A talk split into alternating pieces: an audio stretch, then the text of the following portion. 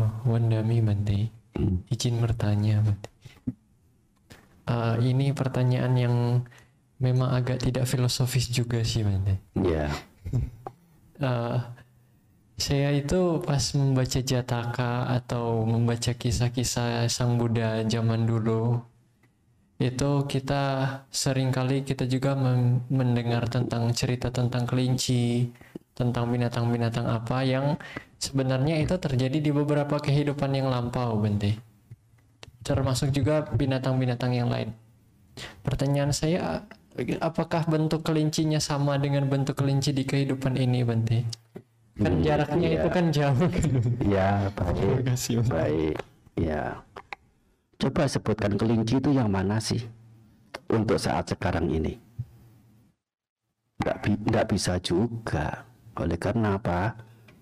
Kelinci itu spesies, masih ada varietasnya.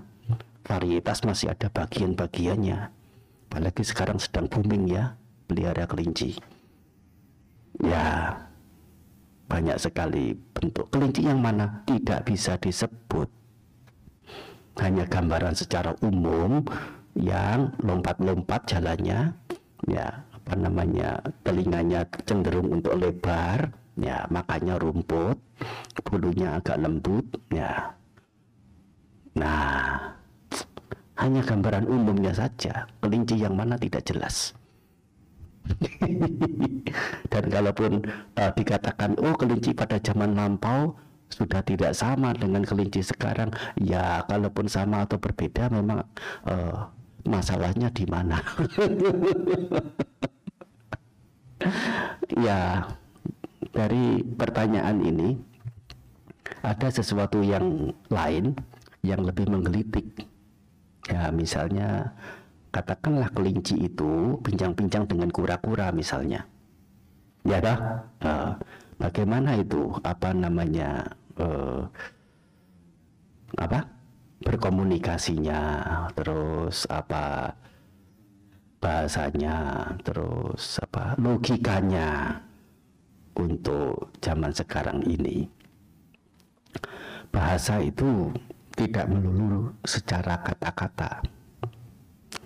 Ada bahasa ya suara tertentu ya itu punya punya. Seperti misalnya monyet itu punya bahasa verbal tetapi terbatas. Termasuk juga ayam punya bahasa verbal. Kok kok kok kok kok nah itu oh ada makanan anak-anaknya lari datang ya betul ya nah tapi kalau suaranya beda langsung bersembunyi. Ada bahaya. Binatang punya bahasa meskipun itu verbal ya memang sederhana. Tapi selain bahasa verbal ada bahasa yang lain. Mimik mimik wajah itu juga sudah bahasa. Ya sikap dengan menghentak-hentakkan eh, kaki depan, kaki belakang, atau menghibas-hibaskan ekor, atau ekornya di- diangkat ke atas, atau ekornya ditelungkupkan ke bawah, ke dalam begitu. Itu bahasa. Jangan memungkinkan antara satu dengan yang lain binatang itu ya punya bahasa meskipun beda jenis, beda spesies, beda ini, beda ya beda famili misalnya kura-kura dengan eh, kelinci misalnya ya terlepas dari mereka sungguh bisa berkomunikasi lewat bahasa tertentu ataupun tidak ya benar tidaknya tidak perlu dibahas lebih dibahas ke urusan manfaat dari cerita itu. Setelah seseorang mendengar cerita itu, kira-kira ada sesuatu yang bisa diambil yang berupa manfaat tidak? Tentang kejujuran, tentang kesetiaan, tentang keberanian, berani apa dalam hal-hal yang baik yang benar tentang cinta kasih tentang tentang pengorbanan berbagi tentang apa pun.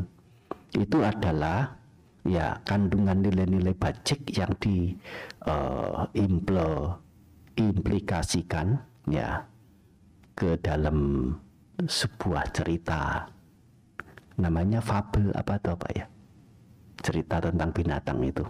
Betul ya? Hmm. Dan banyak sekali cerita-cerita di Eropa sana terinspirasi dari agama Buddha ini banyak yang mirip dan itu ambil dari uh, literatur Buddhis tetapi kandungan yang ada di dalamnya itu adalah uh, membawa manfaat berupa nilai-nilai luhur yang seseorang bisa dapatkan setelah mendengar cerita itu. Kalau berupa cerita itu semakin mengena, semakin impresif, semakin apa? Uh, impresif itu impres itu bahasa bahasa Indonesia-nya apa? Wah, terkesan, semakin terkesan. Terlebih lagi ceritanya itu adalah cerita yang di luar akal. Otak kita itu bawah sadar akan terus men, apa namanya mempertanyakan sesuatu yang yang tidak masuk akal. Kalau sesuatu sudah sudah masuk akal, dia lepas. Dan dengan cerita yang dibuat tidak masuk akal itu diharapkan masih terbawa di bawah sadar untuk diingat dan itu ada kandungan nilai positifnya. Ini loh, terlepas dari cerita itu benar atau tidak, bisa ngomong atau tidak kelinci dengan kura-kura ini. Bukan menjadi poin penting untuk dibahas. Tapi ciri manfaatnya, sisi manfaatnya yang di yang diutamakan. Jangan kemudian, ah itu cerita bohong, itu cerita tidak masuk akal, itu tidak benar, itu palsu. Tidak tidak semestinya untuk diperdengarkan, tidak semestinya untuk di apa uh, diceritakan. Ya jangan begitulah.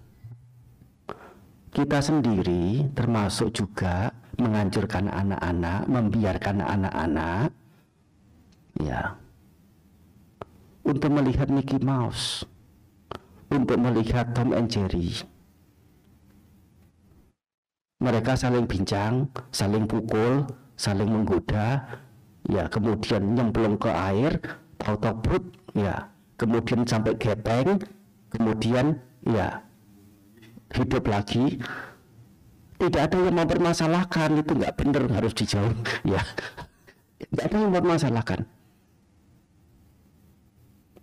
Betul tidak? Orang tidak ada yang mempermasalahkan kebenaran cerita itu.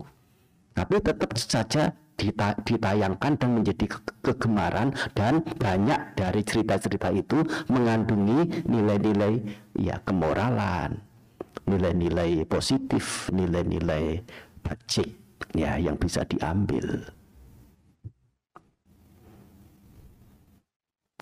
Termasuk juga nah film-film yang ditayangkan yang menjadi gempar menggemparkan dunia ya banyak sekali judul filmnya. Ya kalau dihitung jumlah film ini ya sampai kita mati belum habis. Saking banyaknya jumlah jumlah film yang sudah tertayang selama ini. Ya. Apalagi kita nonton gitu semua film gitu nggak habis. Sampai sampai meninggal nggak habis. Semuanya itu adalah fake semua. Meskipun toh katakan itu diambil dari cerita benar artinya kejadian benar. Setelah masuk dalam film ada pengurangan ada penambahan. Itu sudah tidak sama dengan kenyataan. Ya namanya itu adalah menjadi apa ya konsumsi dunia konsumsi masyarakat dunia konsumsi masyarakat awam sedemikian rupa itu. Dan kita merasa tidak masih awam memerlukan hal-hal yang inspiratif sifatnya itu ya kebajikan-kebajikan duniawi lah katakan ya kedermawanan, kerendah hatian, uh, tahu terima kasih dan sebagainya. Butuh enggak itu? Dalam posisi kita sebagai orang bijak yang mau maju. Perlu.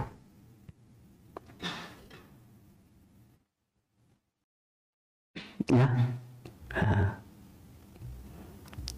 Ada pertanyaan lain silakan. Atau apa yang sedang dibahas ini kalau masih menggantung ada hal yang perlu dipertanyakan lebih lanjut ya silakan. Wandami Bante izin ya. bertanya ya.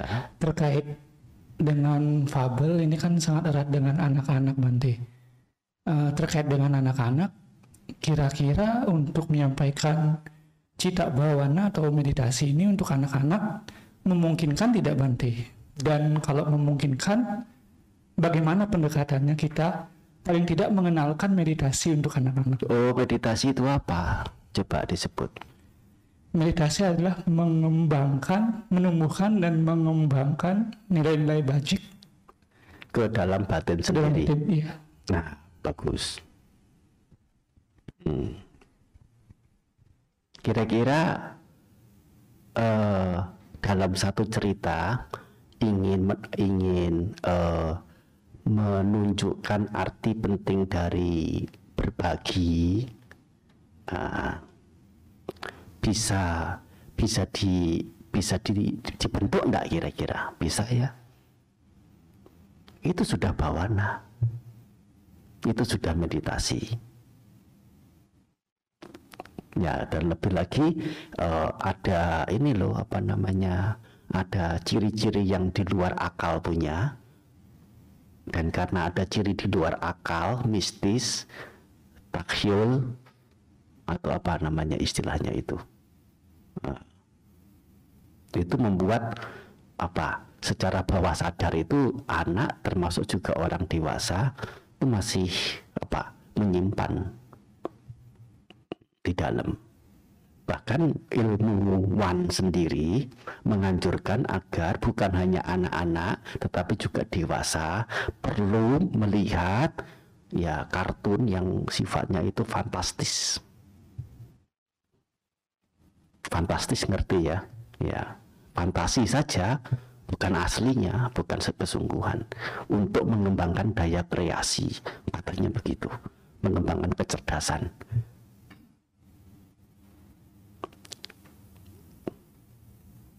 Orang zaman dulu bukannya orang bodoh sehingga ngertinya ngerti yang sifatnya takayul mistis mengajarkan sesuatu yang takayul mistis sehingga ada cerita tentang uh, kelinci ngomong dengan kura-kura. Tetapi justru mereka itu secara cerdasnya secara inteleknya mengerti apa yang sesungguhnya manusia punya daya pikir termasuk bawah sadar termasuk apa uh, apa pengembangan manfaat yang ada di dalam suatu kreasi berupa cerita itu bisa terbawa. Luar biasa yang kemudian dicontoh oleh oleh orang sekarang diakui dan itu sebagai yang jitu dalam ya apa namanya mengantar seseorang untuk mendapatkan peningkatan diri dari sisi kualitas-kualitas hal bajiknya. Itu para pendahulu 2600 tahun yang lalu kalau dihitung dari kemunculan Sang Buddha. Bahkan ya bahkan bisa jadi ya ya sebelum itu sudah ada. Jataka-jataka itu banyak yang uh, sudah ada sebelum sang Buddha muncul. Nah begitu. Maksudnya jataka itu uh, kalau jataka itu kan kehidupan lampau sama sang Buddha. Ada banyak cerita ya dalam jataka itu ya yaitu memang sudah ada. Ya. Kemudian diangkat oleh sang Buddha diajarkan. Oleh karena ya cerita itu atau syair itu yang punya jalan cerita, punya nidana, punya sebab-sebab, punya apa ya alur cerita sedemikian rupa, ya itu sudah ada di masyarakat, ya dan mengandungi nilai-nilai positif bagi yang mendengar dan mengingatnya. Jadi eh, ini adalah jawaban dari kita ke masyarakat tentang cerita-cerita yang ya di luar akal itu bagaimana eh, apa namanya eh, apa ya memberikan memberikan jawabannya.